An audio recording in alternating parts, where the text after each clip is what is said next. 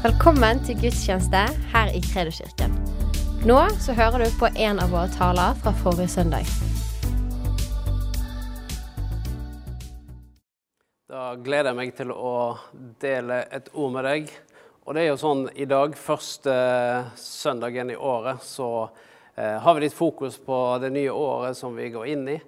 Og eh, jeg har lyst til å dele noe med deg i dag.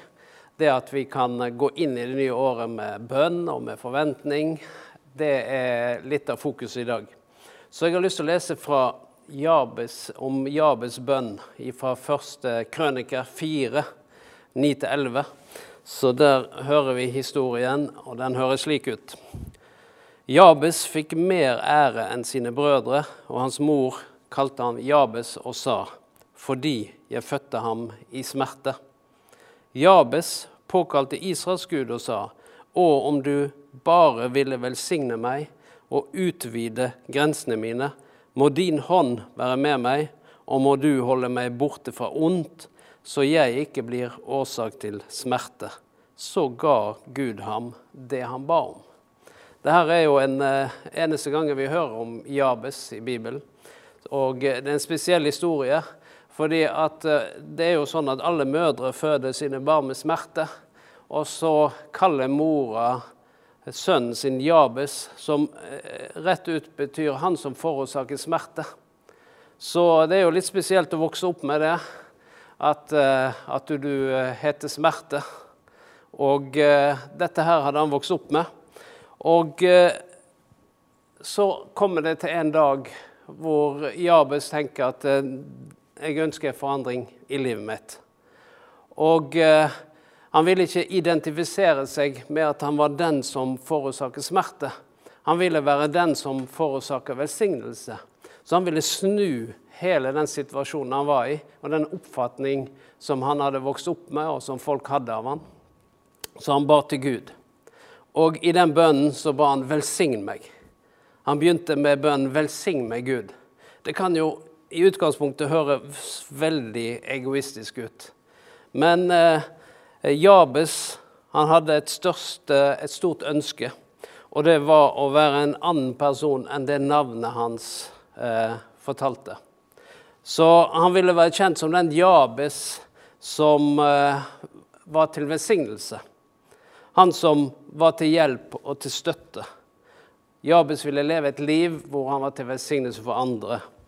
Og så er det jo slik at Gud han vil eh, velsigne oss fordi at du er du. Det er bare sånn det er at Gud er en gud av velsignelse. Men eh, det er jo sånn at når vi ber om Guds velsignelse for en større hensikt, så er det fordi at vi har et ønske om å gjøre en forskjell i vår omgivelse. Vi ønsker ikke bare at Gud skal velsigne meg for velsignelsens skyld, men vi ønsker og at han skal velsigne meg fordi at jeg skal få være til en velsignelse til de som er rundt meg. Og eh, Så han ba denne bønnen, velsign meg, og så utvid mine grenser, ba han. Men så ber han videre her. Der står det at eh, og må din hånd være med meg. Og dette uttrykket Guds hånd, at Guds hånd skulle være med oss, det var et uttrykk som vi finner igjen i Bibelen mange plasser. Og eh, det er slik at eh, når eh, at Guds hånd det er et uttrykk for velsignelse og beskyttelse. Så når Jabes ber om at Guds hånd skal være med ham, så er det en, at Gud selv utstrekker sin hånd. Fordi at Guds hånd det betyr frelse, det betyr støtte, det betyr styrke. Det betyr at han holder oss oppe ved sin hånd det er at Gud faktisk er med oss. Og eh, i Jesaja 49, 16, der er det veldig personlig. Når, eh, når Jesaja skriver der at 'i begge mine hender har jeg tegnet deg', så er det at Jesus han tok oss med, hver enkelt en, i det han gjorde. Og han har sagt at 'ikke bare er med deg, men jeg er òg den som går i forbønn for deg'. Så det er den beskrivelsen av Guds hånd det er at Guds velsignelse over deg, Guds beskyttelse, Gud er med deg. Det er det vi går inn i dette året. Og eh, når, eh, han ber om Guds velsignelse, så, så er det at det får en konsekvens. Og han sier 'å utvide mine grenser'. Jeg tror at Ab, Jabes han kjente på en begrensning. Han kjente på det at uh, Og det kan jo vi jo kjenne på noen ganger. At når vi ser på oss selv, så kan vi kjenne på begrensning. Men derfor så ba han Gud utvid mine grenser. Må du utvide mine grenser. Og det er slik at når Gud utvider våre grenser, så begynner han med hjertet vårt. Fordi han utvider våre hjerter slik at det er plass til flere enn bare oss selv. Slik at det er plass til flere enn bare vårt eget hus. At det er plass til eh, Fordi Jabes han var, han var det du kaller litt selvsentrert. Så Gud gjorde noe med hjertet hans, slik at han kunne utvide grensene sine. Og eh, så bestemte han seg for at han ville løfte blikket og gjøre seg tilgjengelig for Gud og for andre mennesker. Og jeg tror at det er en bønn vi kan be om i 2021. At Gud hjelper oss til å løfte slik at vi kan være tilgjengelig for deg, Gud, og for de menneskene som er rundt oss. Og når han da ba dette her, at Guds hånd måtte være med han, så er det en erkjennelse i det en erkjennelse av at ekspansjon, vekst og utvikling det, det, går fra det å være fra det ordinære til det ekstraordinære. Det kan vi ikke gjøre uten at Guds hånd er over våre liv. Eh, vi skal gjøre det vi kan gjøre, og så legger Gud sin hånd på oss, og så velsigner han det. Den beste historien som demonstrerer dette, det er vel når eh, det kom en gutt med to fisk og fem brød. Og eh, når Jesus velsigner det, så blir det nok til å mette 10 000-12 000 mennesker. Og det er noe når, det, når vi bringer det vi har, når vi legger og gir og legger det vi har i Guds hånd, så kommer han med sin hånd, og så legger han det oppå det, og så blir det til velsignelse. Og Noen ganger så tenker vi om oss selv at ja, men det er så lite det jeg har. Ja, det tenkte denne gutten òg. Men det vi ser, det er at når Gud legger sin hånd på det, så blir det en endring. Da blir det en forskjell. Og Derfor tror jeg at 2021 så skal du ha den forventningen om at Gud skal legge sin hånd på ditt liv. Han skal legge sin hånd på dine bønder. Han skal legge sin hånd på din bevegelse, på dine initiativ. Slik at de berører verden rundt deg på en ny måte. Og så skal du se at 2021 det vil være et annerledes år.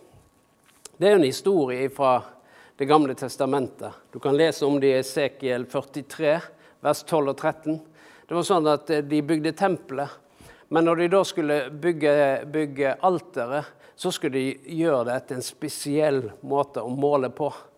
Fordi eh, du vet, eh, før, Vi har jo meter, men det, den gangen så gikk det på alen. Og da skulle de bygge etter én alen, og én alen det var det samme som seks håndsbredder. Men når de skulle bygge alteret, så skulle de bygge det med én alen pluss én håndsbredd. Og eh, det var på en måte at alteret det er den plassen Gud åpenbarer seg.